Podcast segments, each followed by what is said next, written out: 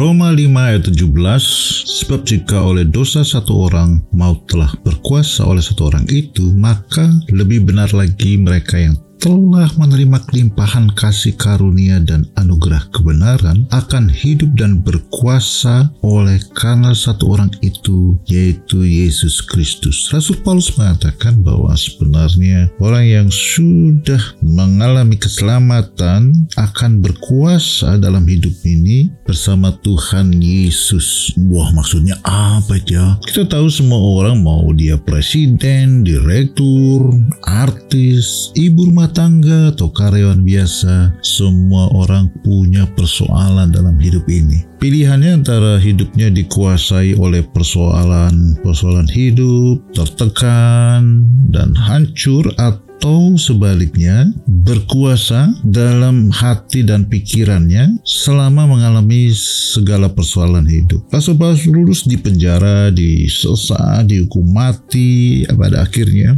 Tapi dia berkuasa karena apa? Dia punya kebebasan untuk melakukan yang dia mau yaitu menyelesaikan amanat agung. Dan akibatnya dia berhasil. Dia sampai di Roma memberitakan Injil di sana dan kita tahu berapa abad kemudian kerajaan Romawi dan Eropa mengenal Yesus dan Injil diberitakan. Itulah hidup yang berkuasa yang dimaksudkan Rasul Paulus. Dan Tuhan mau kita juga berkuasa dalam hidup kita, bukan dikuasai oleh masalah hidup kita. Amin.